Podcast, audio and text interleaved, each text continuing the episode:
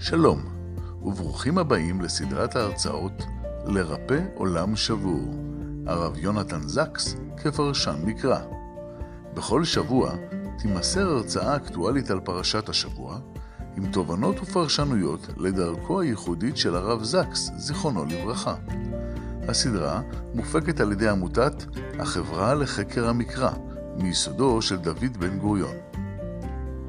והשבוע שיעור מספר 45 מדעי הטבע מול מדעי הרוח במשנתו של הרב זקס, מאת הדוקטור שמעון לרנר. אנו מאחלים לכם האזנה נעימה. הנושא זה גבולות, גבולות המדע והרציונליות במשנתו של הרב זקס. כמובן שזה מתבסס בראש ובראשונה על ספרו The Great Partnership, השותפות הגדולה, ש, שבאמת ניכנס לתוך עומק העניין והחידוש שהרב מביא עם הספר הזה.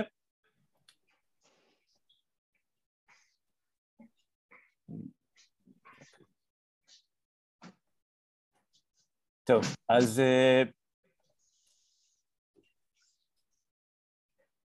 הנושא הזה העסיק את, את הרב, הרבה שנים הוא כבר uh, כותב. ישר ב, בעמוד כמעט הראשון של הספר, ב-acknowledgements, שהוא חושב על הנושא הזה למעלה uh, מ-40 שנה, וכן, האמת היא, טעיתי פה בתאריך, זה מ-1968, מתי, מתי זה בעצם, הוא התחיל לחשוב לעומק על הנושא הזה, זה באותו נסיעה מפורסמת לארצות הברית שסיפרו עליו גם בפעם הקודמת, אותו מסע שבו הוא פגש גם את הרב סולובייצ'יק ואת הרבי מלובביץ' ויש את הסיפור המפורסם עם הרבי מלובביץ', אז היה עוד מישהו שהוא פגש באותו סיור בארצות הברית וזה היה הרב נורמן לאם שעמד בראש ישיבו אוניברסיטי וזהו, הוא פגש אותו ב-1968 באותו, באותו מסע והגיע לרב לאו וכמו שהוא כותב, הוא כותב את זה לא, זה לא באחד הספרים, יש,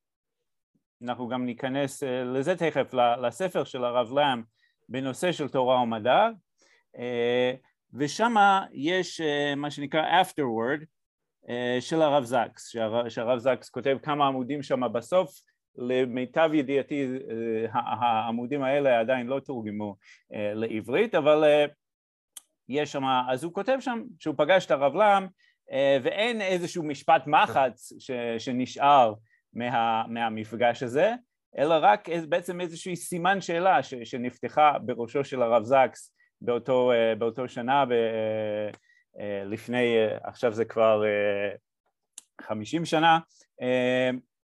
ו-almost immediately הוא כותב כמעט מיד our conversation turned into the dilemma of the student at Yeshiva University אותו דילמה שניצבת בפני כל... לרנר, אנחנו עדיין רואים את המצגת, את השקופית הראשונה. אה, אוקיי, אז אני... עכשיו מצוין, עכשיו בסדר. אה, אוקיי, טוב. אז, אז, אז, אז הוא באמת, יש, יש באותו מפגש עם, עם הרב לם ניצוץ בראשו של, של הרב זקס איזושהי שאלה לגבי, לגבי הנושא של תורה ומדע, הוא מנסח את זה ככה שאנחנו יודעים מה זה תורה ואנחנו יודעים מה זה מדע, אבל מה זה התורה ומדע, מה זה הוו החיבור הזה שיש לנו שם, יש הרבה מודלים שזה, שזה, שזה יכולים, שיכולים להיכנס שם, זה יכול להיות coexistence, synthesis, symbiosis, או שזה יכול להיות אפילו איזשהו מתח שיש בין, בין שני הדברים האלה.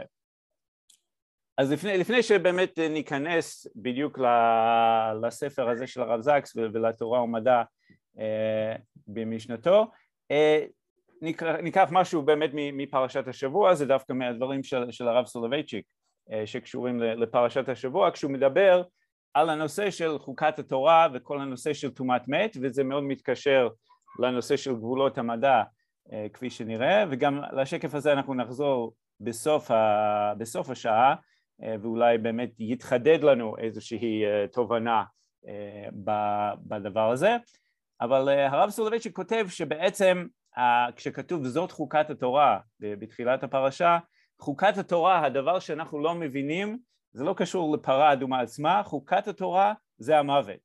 המוות זה מה שאנחנו לא מבינים, מה שאנחנו לא מצליחים אה, ללפף את, ה, את הראש שלנו מסביב לקונספט הזה, שאנחנו באיזשהו יום מן הימים אה, חודלים מ, מלחיות, זה משהו ש, שבעצם מזעזע, שאנחנו לא יכולים אה, להבין אותו. אבל אנחנו בכל אופן, ומשם מקור, מקור הטומאת מת, מאותו אה, חוסר יכולת שלנו להבין את הנושא, ויש לנו שני דרכים להתמודד עם הדבר המפחיד הזה שנקרא, שנקרא מוות, וזה טבילה והזעה. אז יש לנו את, ה, את הטבילה, ש, ש, שאותו טמא מת צריך ללכת ולטבול במקווה, ויש את ההזעה שמזים על, על אותו טמא מת ממי החטאת, אה, ובאופן חיצוני אה, מזים על, ה, על הבן אדם. אז יש, הטבילה, הבן אדם הוא הפעיל, הוא שולט על, על התהליך, והוא זה ש, שקובע את מה שקורה, לעומת ההזעה ש, שזה נעשה לבן אדם מבחוץ. אה, והרב סולובייצ'יק אומר באמת שזה מייצג את שתי, שתי, שתי צורות שבהן אנחנו מנסים להתמודד, הטבילה זה אותו ניסיון מדעי רפואי שב, שבכוחות עצמנו אנחנו מנסים איכשהו ל... אה, אי אפשר להתגבר על המוות אבל, אבל קצת ל... אה, ל... להתמודד איכשהו, קצת להקל על עצמנו מהמחלות ולנסות לרפא את עצמנו כמה שאפשר. אה, ודבר שני, זה, זה, מה ש, זה, זה משמיים, זה, זה מבחוץ, זה, זה אנחנו לא שולטים עליו, זה ההזעה אה, שמזים עלינו אה, מבחוץ. וזה ההקבלה שהרב סולובייצ'יק עושה על שתי, על שתי הנקודות האלה. ואנחנו אנחנו, כאמור נחזור בדיוק ל, לרעיון הזה אחרי שנראה את, ה, את משנתו של הרב זקס. אז נחזור באמת לא, לאותו ספר תורה ומדע שהרב לם הוציא. והרב לם באמת משרטט כמה וכמה גישות, יש לו אפילו איזה שישה, שש גישות שונות לנושא של, של תורה ומדע, שש, שש גישות ש, שמקבלים את השילוב, איזשהו שילוב של תורה ומדע, זה אפילו לא כולל את השיטות שבכלל פוסלות uh, כל, uh, כל אפשרות אז יש אפילו יותר, וזה חשוב מאוד להבין את ה, לפעמים את הניואנסים בין, ה, בין השיטות השונות, כי לפעמים זה, זה לא סתם אה, עניין של אה, השקפה גריידה, לפעמים יש לזה באמת השלכות מעשיות אה, בשטח. ובעיקר, מת, איפה זה יבוא לידי ביטוי, יש לנו הרי המון המון המון נושאים וחוכמות שונות אה, שבהם האנושות באמת מתפזרת וחוקרת אה, כל מיני דברים בתחום מדעי הטבע, מדעי הרוח, אה, בתחום המדעים היישומיים, מדעי הרפואה, הביולוגיה, כימיה, פיזיקה, פילוסופיה, יש ממש עולם שלם של, של חוכמות ש, שחוקרים אותם ואיך שאנחנו נקבע את הגישה שלנו לתורה ומדע זה באמת יקבע מה מתוך כל הסיפור הזה אפשר באמת לשלב ומה, ומה מה, מה יותר כשר ומה פחות כשר, איזה חלק מהדונט הזה אה, אפשר לאכול ואיזה חלק אה, לא.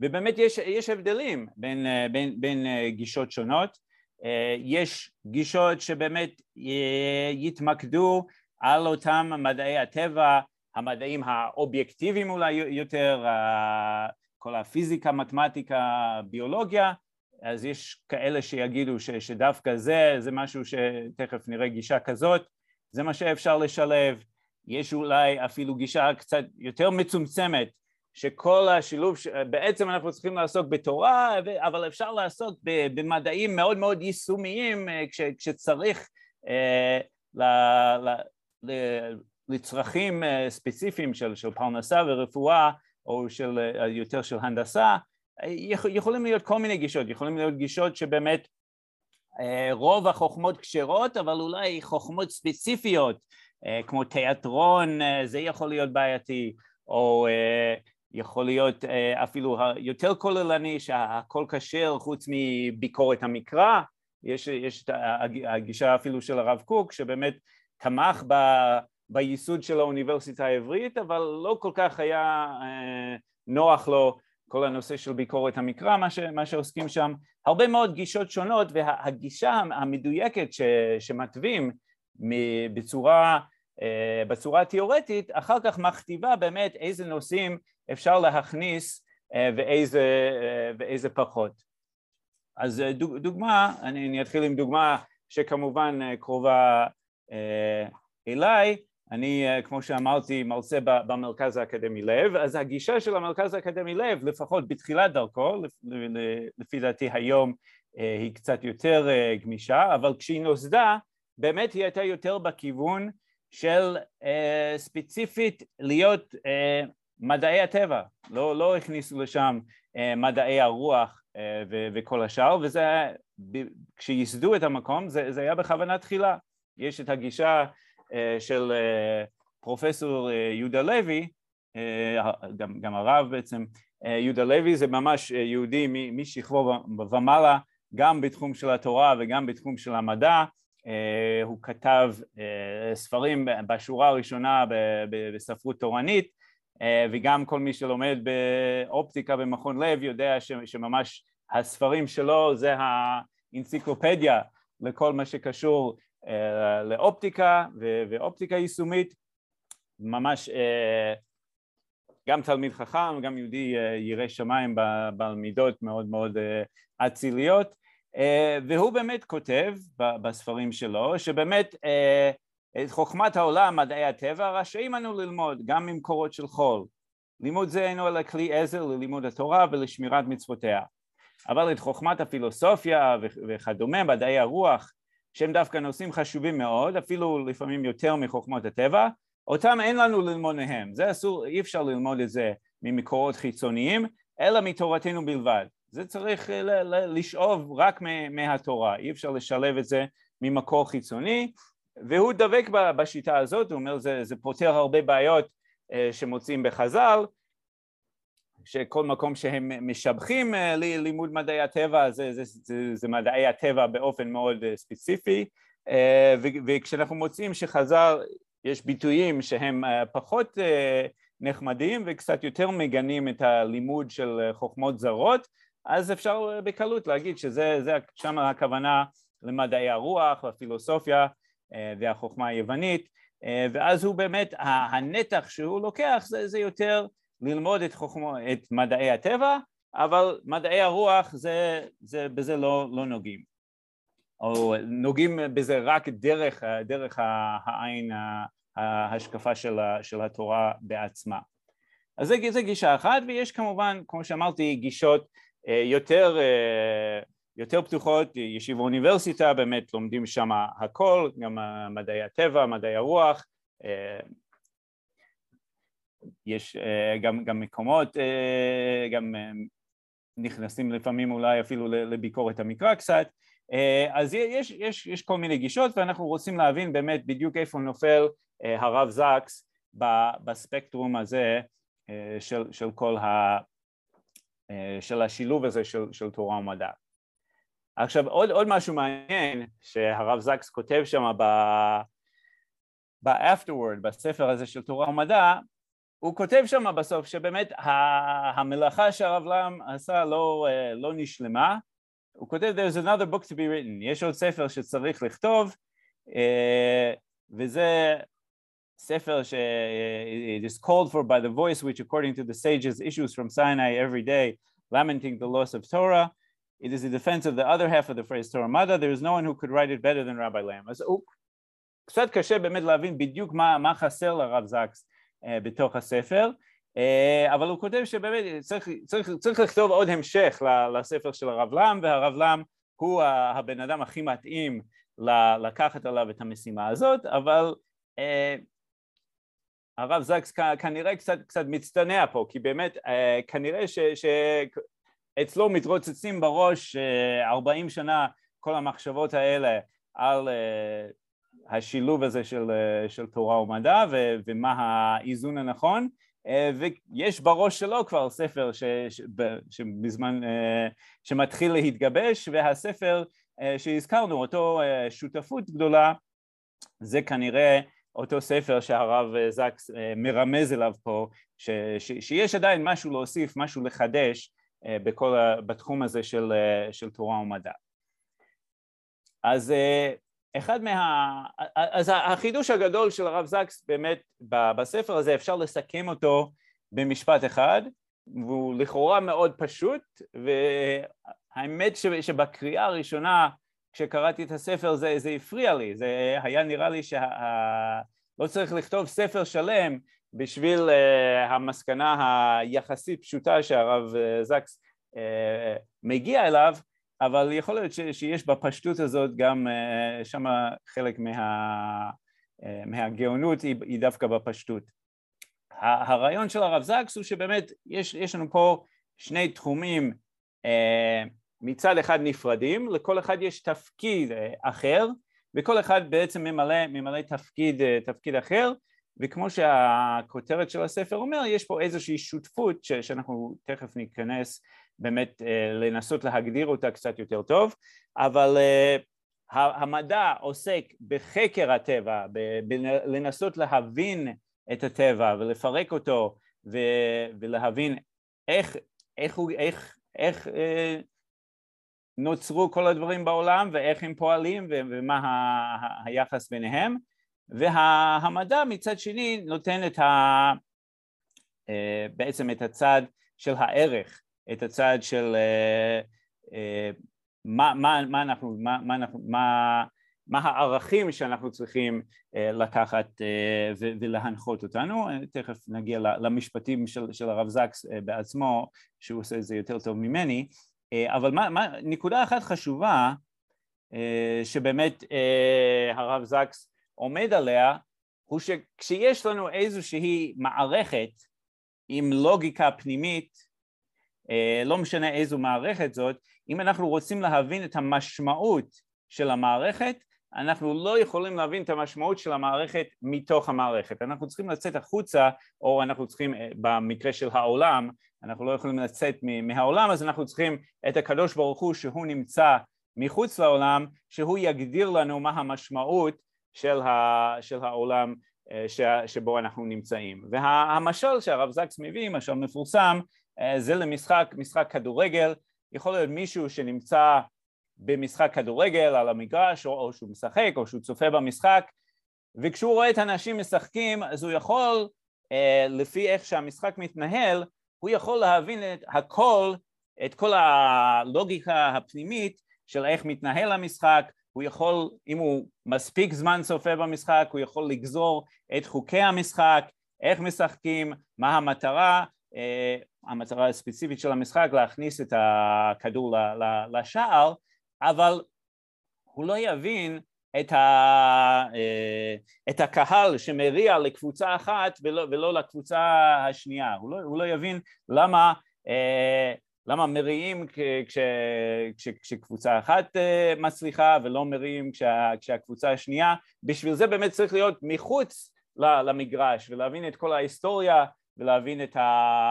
היריבות בין, ה, בין הקבוצות ו, ו, ואיך uh, כל הטבלה של, של התחרות uh, של, כל הקבוצות. אי אפשר להבין את זה מתוך המשחק בעצמו, ממי שנמצא על המגרש, ו, ו, וזה אותו דבר, זה בעצם המשל ש, שהוא ממשיל למדע, למדעים מצד אחד ולתורה מצד שני, שהחוקים של המשחק, מה שאנחנו רואים, איך העולם פועל איך העולם מורכב אה, ומה חוקי הטבע שפועלים בעולם, אה, זה אנחנו יכולים, אנחנו יכולים להיות בתוך המשחק ו- ולצפות מספיק זמן ולגזור את כל החוקים ולהבין איך הדברים פועלים, אבל את המשמעות אנחנו לא נצליח, אה, לא נצליח להבין בלי שהקדוש ברוך הוא באמת יכוון אותנו ויביא לנו את התורה ויגיד לנו מה צריך להיות המשמעות של הדברים. אז מה, מה שאני רוצה לעשות עכשיו בשביל להבין את זה טיפה, טיפה יותר טוב, אה, אני רוצה באמת לבדוק את זה אה, ולנסות אולי אפילו להעלות איזושהי אה, שאלה לגבי זה, שכשאנחנו נבין אז, אז אנחנו באמת נוכל להבין יותר טוב. הנה זה המשפטים של הרב זקס, science takes, takes things apart to see how they work uh, the religion puts things together to see what they mean. Uh, we need science to understand the universe, אנחנו צריכים את המדע כדי להבין את העולם uh, ואת הדת uh, כדי להנחות את דרכנו uh, בתוכו.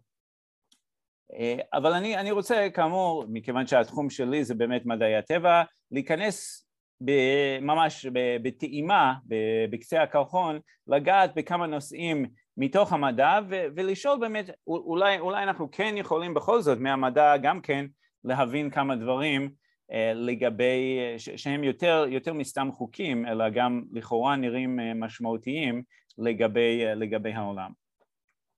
אז שלושת הנושאים זה מה שכתוב פה, סימטריה, פרקטלים ובחירה חופשית, ונראה אותם ממש על קצה המזלג, בלי להיכנס למשוואות ולחישובים מסובכים, אבל קצת לקבל בכל זאת איזושהי טעימה. אז הנושא הראשון, כאמור, זה סימטריה. סימטריה, אנחנו כולנו יודעים מה זה, מה זה, מה זה סימטריה, אבל יש לזה הגדרה גם מתמטית. אה, כשיש לנו איזשהו אה, חפץ ואנחנו עושים איזושהי פעולה על החפץ, אנחנו מסובבים את החפץ או מזיזים את החפץ או אה, עושים, עושים כל... אז אם, אם, אם אנחנו לא יכולים להבחין בהבדל, אם, אם, ה, אם החפץ בעצם נראה לנו אותו דבר בשני המצבים, אז מבחינה מתמטית זה נקרא מצבים uh, סימטריים. אז למשל, אם יש לנו פה את הפתית שלג הזה, אם אנחנו מצלמים את הפתית שלג ואחרי זה אנחנו מסובבים את, ה, את הדבר הזה ב-60 מעלות ומצלמים עוד פעם, אין לנו שום דרך לדעת ש, שאנחנו עשינו פה, פה משהו. יש לה לפתית שלג הזה סימטריה סיבובית ש, שאנחנו יכולים, אם אנחנו מסובבים אותו בדיוק במידה המתאימה, אה, היא נראית בדיוק אה, זהה אה, כפי שהייתה לפני, ש, לפני שנגענו בה. אז זה נקרא סימטריה, סימטריה סיבובית. יש לנו מה שנקרא סימטריה של הזזה, אם אנחנו נמצאים פה באיזשהו שדה חיטה ב...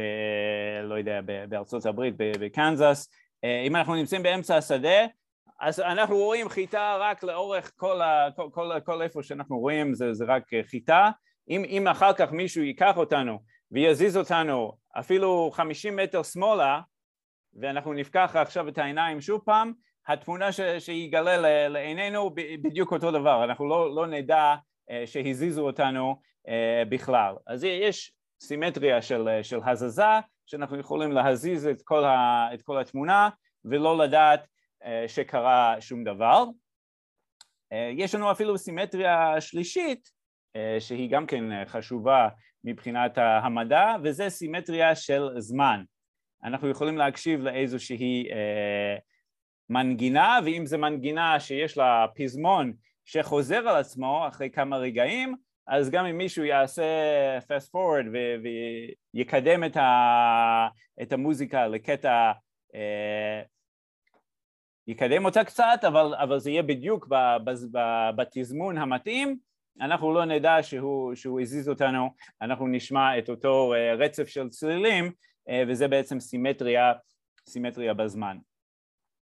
אז עכשיו, איזושהי הקדמה באמת לגבי הכוח של סימטריה, כדי להבין עד כמה הסימטריה יכולה לעזור לנו בחישובים או בכל מיני דברים. הדוגמה הקלאסית, דוגמה קלאסית לזה זה אותו קובייה, את הרוביקס קיוב, שאם אנחנו, אם, אם היינו רוצים לפרט את כל המצבים האפשריים שהקובייה הזאת יכולה להימצא בהם, זה מספר אסטרונומי שבכלל אי אפשר uh, לתפוס. יש פה uh, 4.3 uh, בעצם uh, כפול 10 בחזקת 19, זה אחד עם uh, 19 אפסים uh, אחרי האחד, זה, זה מספר שאפילו אין, אין לנו שמות כמעט למספרים האלה, זה, זה מספר ש, ש, שהוא, שהוא בכלל, הוא ממש לא נתפס. אם, אם היה לנו, אם היינו משתמשים בכל הנייר שבעולם בשביל לבנות את האינדקס הזה, כל עמוד היה מתאר מצב אחר של, ה, של הקובייה ואיך, אה, ומה צריך לעשות במצב הזה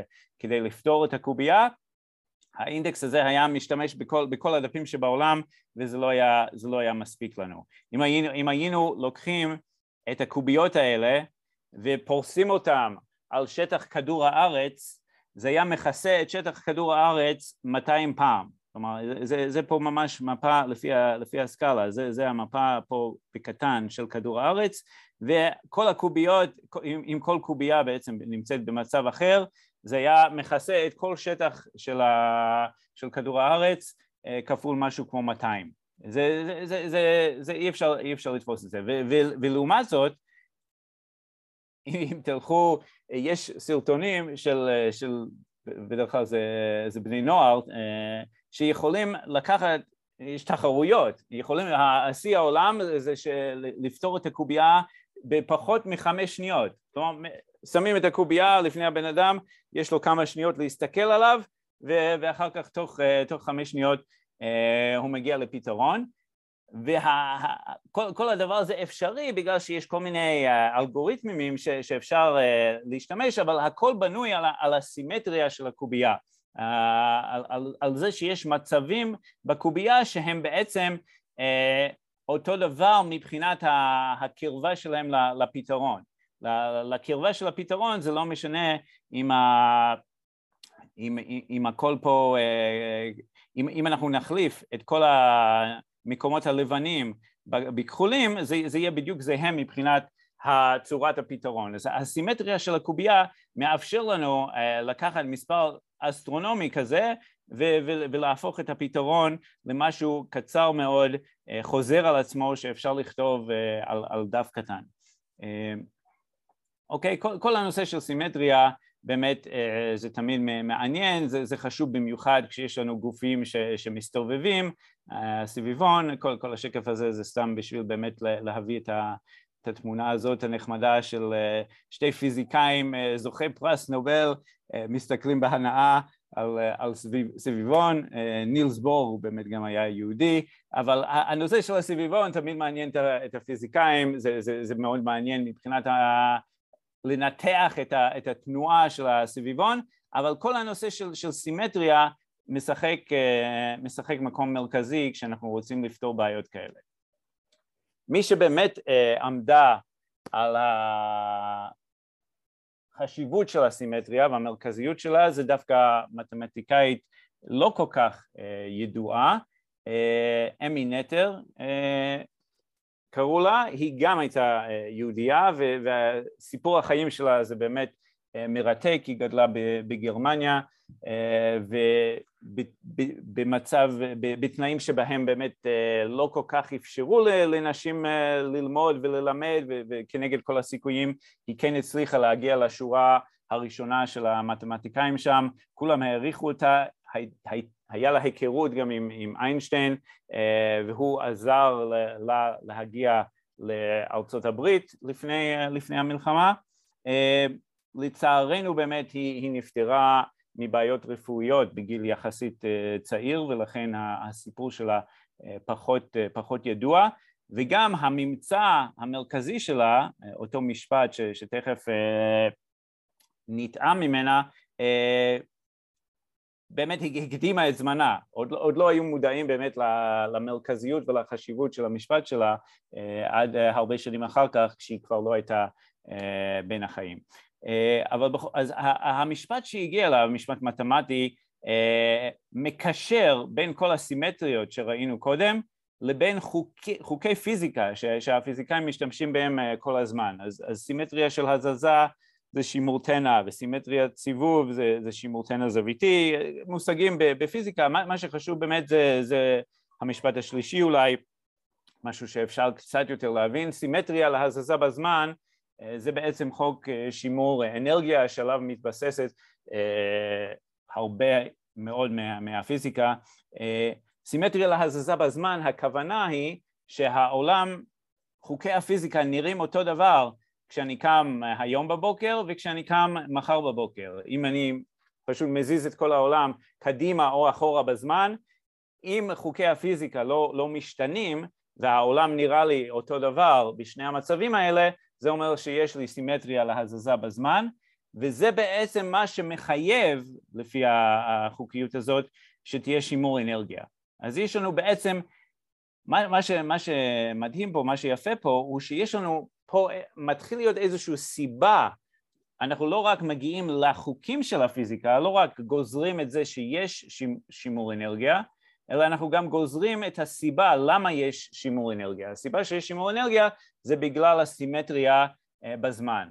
אפשר באמת אפילו, אחרי שקצת מבינים את זה, להבין יותר טוב את אה, ברכת יוצר אור שאנחנו מברכים אה, כל יום.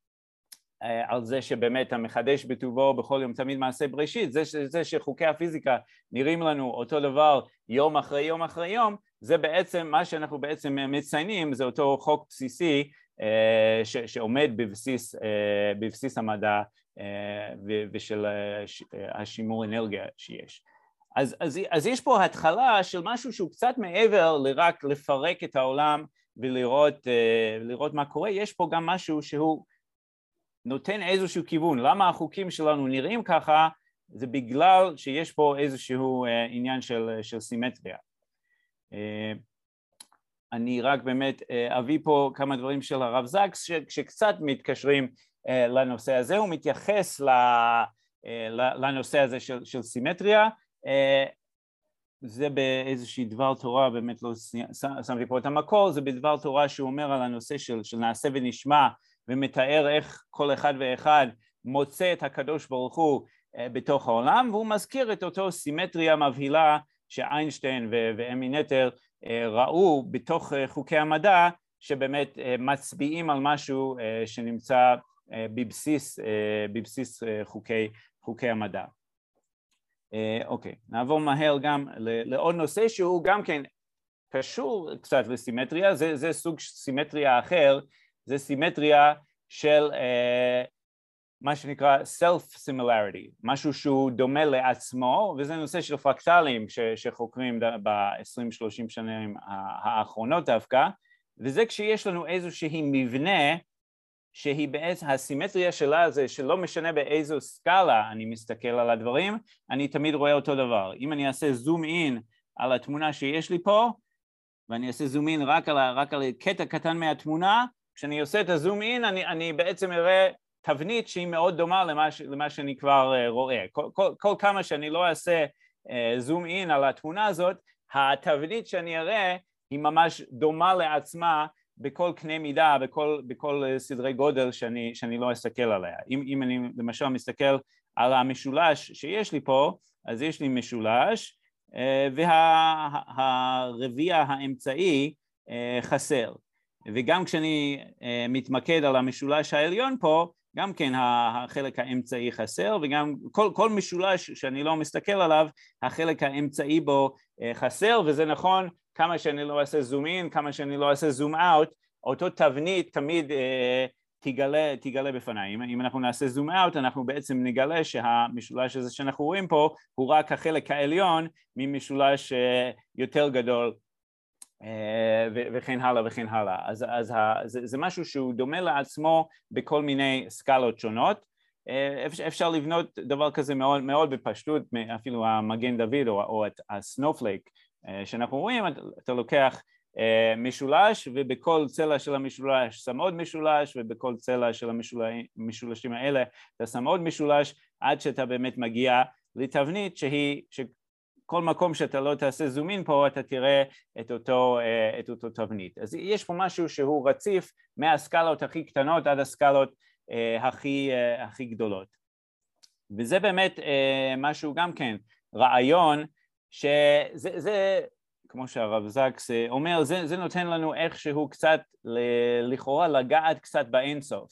כי אנחנו בעצם, מה שאנחנו רואים בסקאלה שלנו גם אם אנחנו נגדיל את זה עד אינסוף וגם אם נקטין את זה עד אינסוף אנחנו נראה את אותו דבר. אז יש לנו פה איזושהי נקודה שבו אנחנו נוגעים במשהו שהוא יותר, אה, יותר גדול מאיתנו אה, ויש הרבה מבנים בטבע שבאמת אפשר לנתח לפי הצורה אה, הפרקטלית הזאת, יש מבנים שכן מתאימים, מבנים שלא מתאימים, אם זה כן מתאים אז יש לנו כל מיני מודלים ואם זה לא מתאים צריך, צריך להסביר למה זה לא מתאים, בכל מקרה גם גם בחיים שלנו אנחנו יכולים אה, לקחת אה, איזשהו מוסר מזה או איזשהו לקח מזה, החיים שלנו הם גם כן פרקטליים באיזושהי מידה, יש את מייקל פריים שהוא אחד מהראשונים שעבד עם מנדלברוט על, על הפרקטלים האלה והוא כותב ספר שבו הוא מנסה להתמודד קצת עם הנושא של, של גריף, של, של יגון, של התמודדות שוב פעם עם, ה, עם המוות כמו שהזכרנו בתחילת ההרצאה והוא אומר שגם החיים שלנו הם בעצם הם בעצם פרקטליים במידה מסוימת. אנחנו יכולים לחשוב על יום, אנחנו מתעוררים בבוקר, חושבים מה נעשה במהלך היום, תוך כדי אנחנו נמצאים, עושים את העבודה, כשמגיע ערב אז אנחנו עושים איזשהו, uh, חש... איזושהי חשיבה, רפלקציה, מה הספקנו, מה לא הספקנו, uh, והולכים לישון.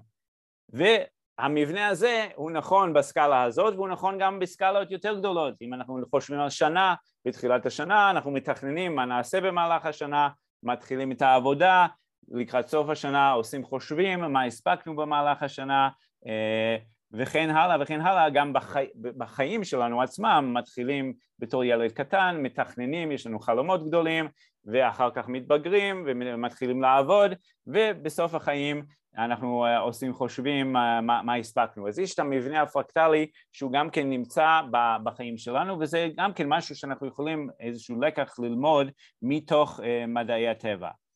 אה, והרב זקס גם כן משתמש ברעיון הזה של הפרקטלים גם בכמה מקומות בדברי תורה שלו. פה זה על פרשת אמור כשהוא מדבר על המבנה של המועדים שמופיע בפרשת אמור על, על השבת ואחרי זה המועדים האחרים אה, וגם כן הוא, הוא, הוא, יש את המבנה של השביעיות של, של השבת, שישה ימים ושבת ושישה מועדים ו, ויום כיפור ושש שנים ושמיטה, המבנה הזה הוא גם כן אה, מראה לנו איזשהו מבנה של, של פרקטליות וכמו שהרב זקס כותב בהקדמה שלו לסידור, גם כן, זה בעצם הוא מביא את ה... את השיר של וויליאם בלייק, אותו הפואט מאנגליה, To see a world in a grain of sand and heaven in a wild flower, hold infinity in the palm of your hand and eternity in an hour. אז יש פה איזשהו מגע שאנחנו בתוך מרכיב קטן בתוך העולם מצליחים, אנחנו מסתכלים בסקאלה שלנו, אבל הסקאלה שלנו קשורה דרך המבנה שלה גם לסקלות הגדולות יותר האינסופיות, אה, אז יש לנו פה איזשהו קישור לאינסופיות למי שנמצא מעבר אה, לטבע. אה, והנושא האחרון, הנושא השלישי זה בעצם הנושא של בחירה חופשית, כשאנחנו מנתחים את העולם מבחינת מבט של מדענים, של, של מדעי הטבע, לכאורה באמת אם יש חוקים אז הכל, הכל מוכתב כבר uh, מראש, וגם אם הוא לא מוכתב, אז, אז uh, כמו שלפעמים ב, במצב של, uh, של uh, תורת הקוונטים, אז שם זה, אבל הסטטיסטיקה מוכתבת וה, והרנדומליות שולטת, אבל אם, אם אנחנו מסתכלים על העולם מנקודת מבט של חוקר מדעי הטבע, לכאורה אין מקום לבחירה חופשית, הכל הכל קבוע ויש חוקים, אה, ומצד שני הרב זקס יוצא כמה וכמה פעמים להגנה אה, על הרעיון של בחירה חופשית אה, בתור רעיון שחייב להיות שיש לנו בחירה ואנחנו חייבים לאמץ את הרעיון של בחירה חופשית ממש בתור אפילו אחד מיסודי האמונה כי אחרת באמת אין לנו, אה, אין לנו משהו ש, שיכוון אותנו. אז, אז לכאורה יש פה איזשהו מקום שיש אה, גם כן קצת, אה, כש, כשאנחנו מסתכלים על הטבע רק מנקודת מבט מדעית, אנחנו לכאורה מגיעים לאיזושהי מסקנה שהיא חורגת מהגבולות של, של רק לפרק את, את הכל ולראות איך זה עובד. לכאורה יש פה גם אה, מימד נוסף אה, שמדעי הטבע לכאורה מנסים לפעמים לגעת קצת מעבר למה שהם, אה, למה ש, למה שהם הוגדרו, אם, אם הם הוגדרו רק, להיות, רק לחקור ולפרק אז פה יש לנו מצב שבאמת הם לכאורה חורגים מה, מהמסגרת. מה, מה שאני רוצה לטעון הוא באמת שהם לא, הם לא, גם, גם כשיש לנו נקודות שה... אה, שהמדע באמת מנסה להבין דברים מעבר, אז זה, זה לא באמת משהו ש...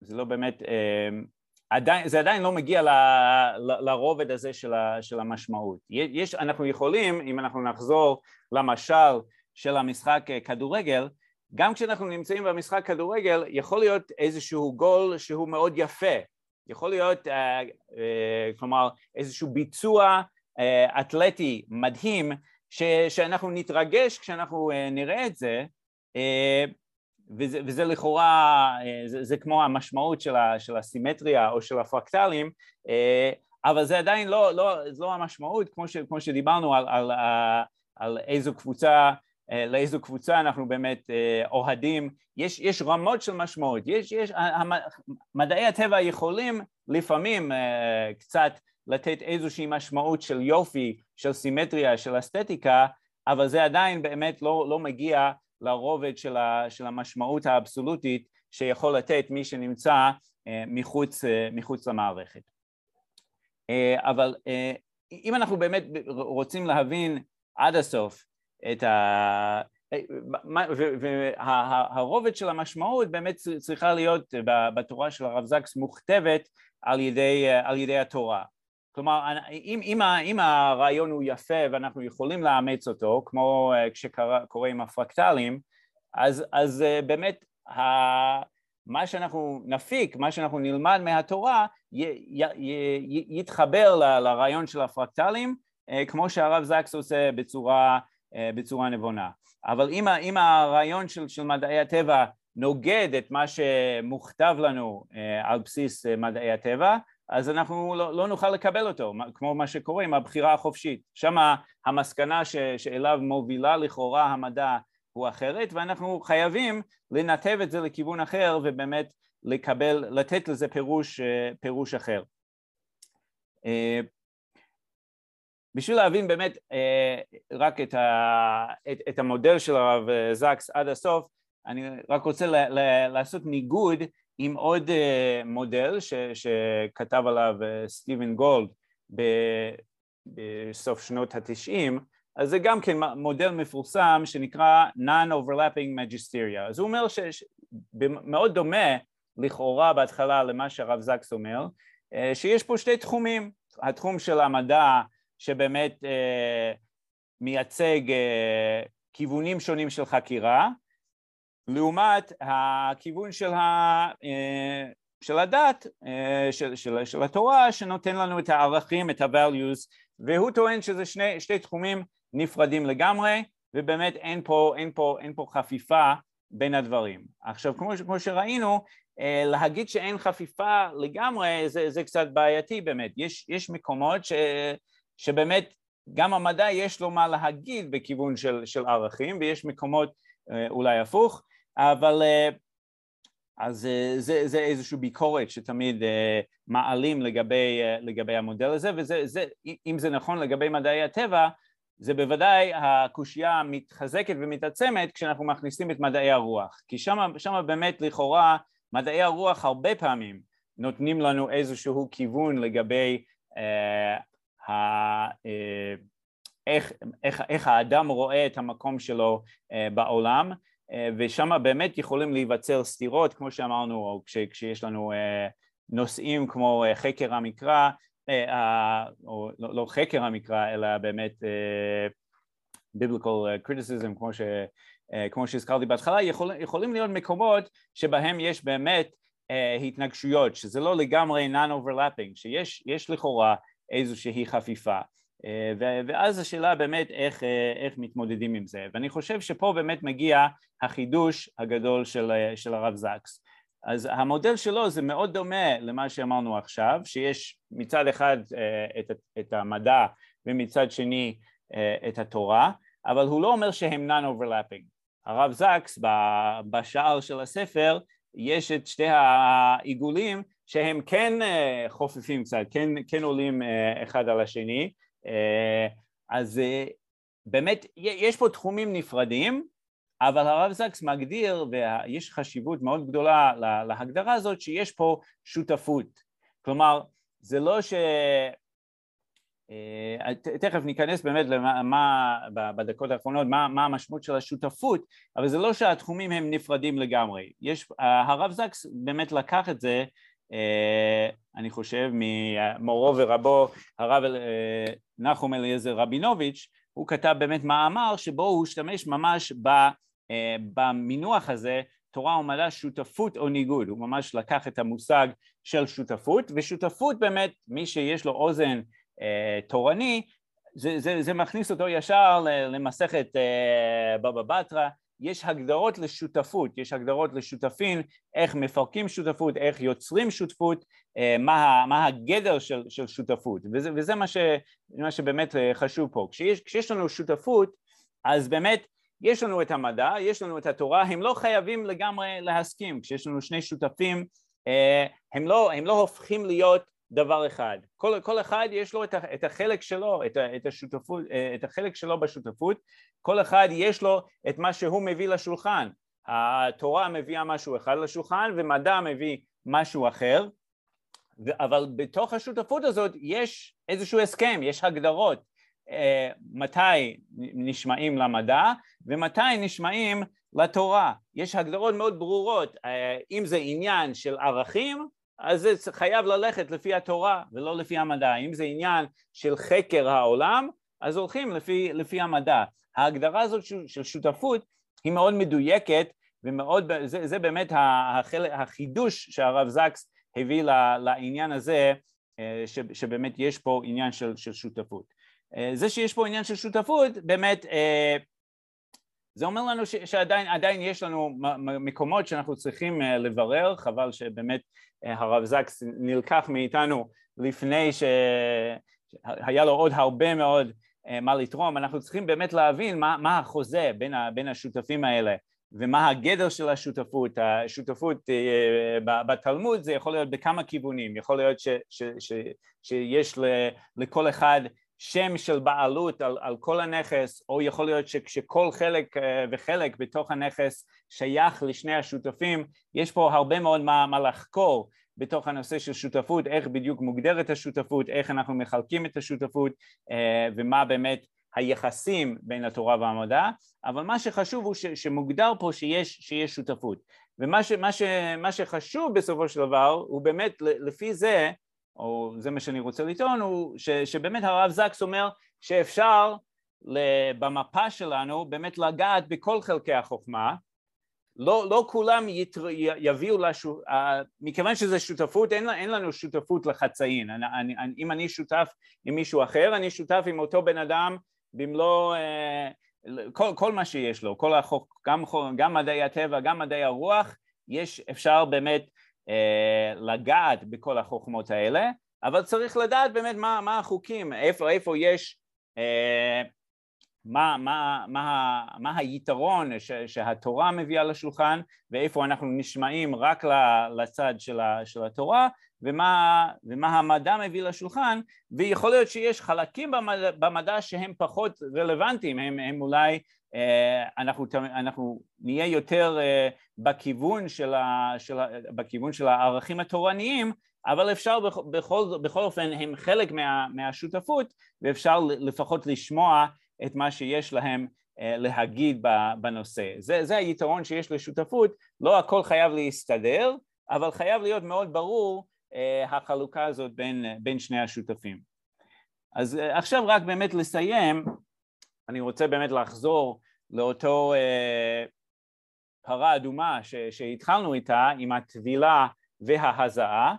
ושני הדברים האלה שהרב סולובייצ'יק הזכיר זה באמת גם כן עומד בבסיס של כל מה שדיברנו אה, בשעה האחרונה. יש לנו מצד אחד את הניסיון המדעי רפואי שמטרתו למעט אה, ככל האפשר את כוחו של המוות, זה, זה מה שהגדיר הת, הרב זקס התפקיד של המדע להבין מחלה אם ברצוננו לרפ, לרפאה, אה, זה, זה הכיוון שלנו אה, בעניין, החלק שלנו בשותפות הזאת, ויש מצד שני את מה שמוגדר לנו על ידי המדע, שזה אותו הזעה שאנחנו שמים את ביטחוננו בריבונו של עולם והוא מגדיר לנו את הכיוון, הוא מגדיר לנו לאן אנחנו צועדים בעתיד ובאיזו דרך אנחנו צריכים לצעוד. אז שני הדברים האלה שהזכרנו, התפילה וההזעה, זה לא רק, כמו שהבנו בהתחלה, לא רק שני כיוונים של להתמודד עם, עם המוות, אלא זה שני כיוונים שהם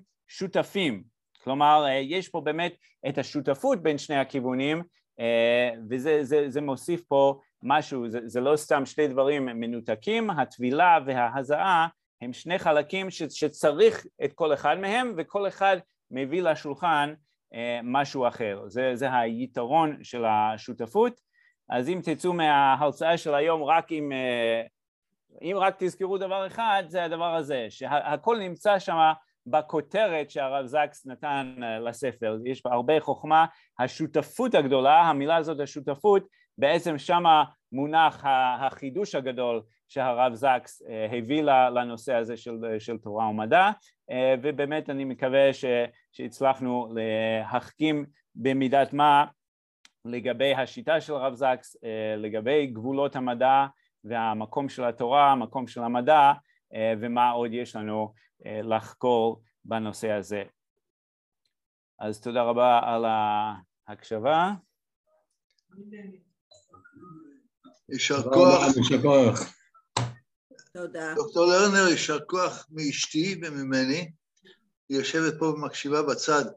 אבל יש לי שאלה, אתה נגעת ממש, איך אומרים, בחצי משפט, כן. בנושא של האם יש בחירה חופשית או אין בחירה חופשית. איך המדע מתייחס לזה? אז זהו, כאילו, מבחינה, מבחינת המדע, באמת, זה, זה, זה, זה קושי, כלומר, כל, כל מדען ש, שתשאל אותו אם יש בחירה חופשית, הוא יהיה חייב מצד אחד להגיד ש, ש, שהוא לא, לא רואה משהו בפניו ש, שמחייב את הבחירה החופשית, כלומר, הוא, הוא רואה חוקים, חוקי מדע, והוא רואה איזושהי חוק, חוק, חוקיות ונסיבתיות, ולכאורה, לכאורה באמת אין, אין הרבה מקום, אין הרבה גמישות לנושא של בחירה חופשית. אבל מצד שני אנחנו כולנו מרגישים ש, ש, שיש לנו בחירה חופשית, אז, אז זה באמת שאלה שמטרידה גם הרבה מדענים וגם הרבה פילוסופים, אבל אולי, אולי פעם אחרת אפשר באמת להעריך אפילו רק בנושא הזה הרצאה שלמה. תודה רבה. יש שאלות? יש הערות? אז נבקש מזלמי להעלות את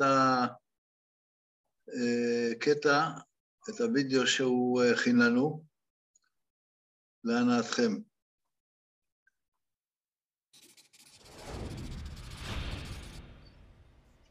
At various times in history, including now, people have thought that there was a conflict between religion and science. At the time of Galileo, when religion was the stronger of the two, religious belief was used to reject science. Today, when science is stronger, it's sometimes used to reject religion. In fact, though, this whole idea is mistaken. Religion and science are completely different things, and neither negates the other. They are as unlike as poetry and prose, or song and speech, or a portrait of a person and an MRI scan. The human mind is capable of doing two quite different things.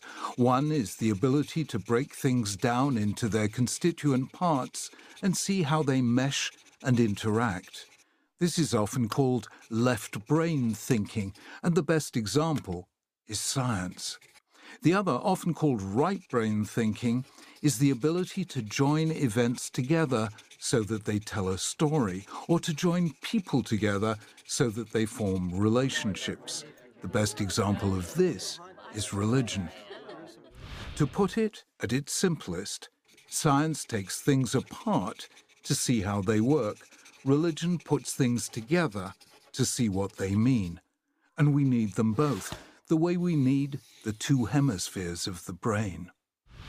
Science is about explanation, religion is about interpretation. Science analyzes, religion integrates. Science breaks things down to their component parts, religion binds people together in relationships of trust. Science tells us what is, religion tells us what ought to be. Science describes, religion inspires, beckons, calls. Science practices detachment. Religion is the art of attachment, self to self, soul to soul. Science sees the underlying order of the physical world. Religion hears the music beneath the noise. Science is the conquest of ignorance. Religion is the redemption of solitude. One way of seeing the difference is to think about their relationship with time. Science looks for causes of events, and a cause always comes before its effect. How did the window break? Because I threw a stone at it. First came the throwing of the stone, then came the breaking of the window. Science looks back from effect to cause. However, human action is always looking forward. Why did I throw the stone? Because I wanted to wake someone who is asleep to warn them that the building next door is on fire. An action always seeks to bring about something in the future. And that's where religion comes in as our deepest guide to the future, the promised land the Messianic age, the vision of the prophets we travel toward, when we work for a world in which people finally recognize the image of God in the people not like them, and so bring an end to violence and war. Or sometimes it's about eternal life and the destiny of the soul after death. Either way, religion isn't about causes, but about purposes. Why then do we need science? Because we need to understand the world if we're to honor God's purposes within it. We need to understand disease if we're to cure it. We need to understand the causes of poverty if we're to alleviate it. We need to understand our destructive drives if we're to rise above them. And why do we need religion? Because that's what gives human life its meaning and purpose. The universe is more than the result of an accidental fluctuation in the quantum field at the dawn of time. Human life is more than the unintended consequence of random genetic mutations blindly sifted by natural selection. Just as there's something within us that's beyond the purely physical, so there's something within the universe, we call it the divine presence, that's beyond the merely material. And just as God created the universe in love, justice, and compassion, so he calls on us to create relationships of love, justice, and compassion. Or to put it another way, the difference between religion and science is the difference between the impersonal and the personal. When you treat impersonal phenomena as if they were persons, the result is myth. Light is the sun god, rain is the sky god, natural disasters are battles between the gods, and so on. Science was born when people stopped telling stories about nature and instead observed it. In other words, when they relinquished myth. And when you treat persons impersonally, as if they were objects, the result is dehumanization. People categorized by color, class, or creed, and treated differently as a result. The religion of the Bible was born when people stopped seeing people as useful or useless objects and began to see each individual as unique, sacrosanct, the image of God. So we need both religion and science. Albert Einstein said it most famously Science without religion is lame. Religion without science is blind. We need science to understand the universe and religion to guide our way within it. From the world as it is to the world as it ought to be. A world of peace, justice, compassion and love when we, God's creations, honor God, our Creator.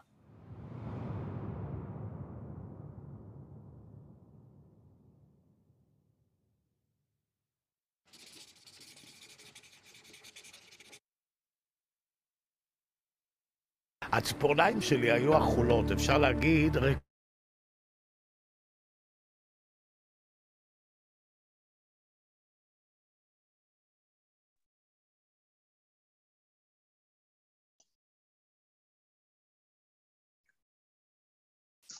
אני לא יודע מה איתכם, אבל אני המום.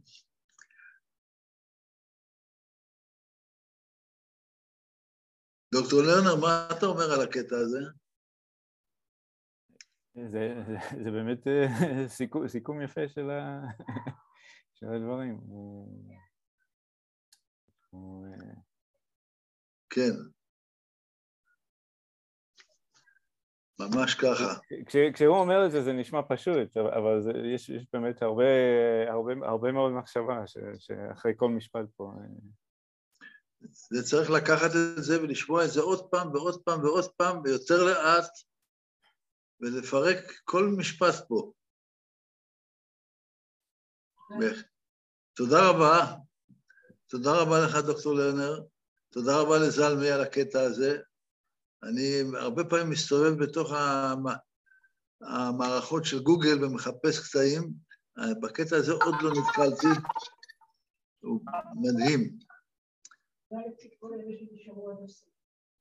נתראה בשבוע הבא בעזרת השם. ערב טוב. ערב טוב.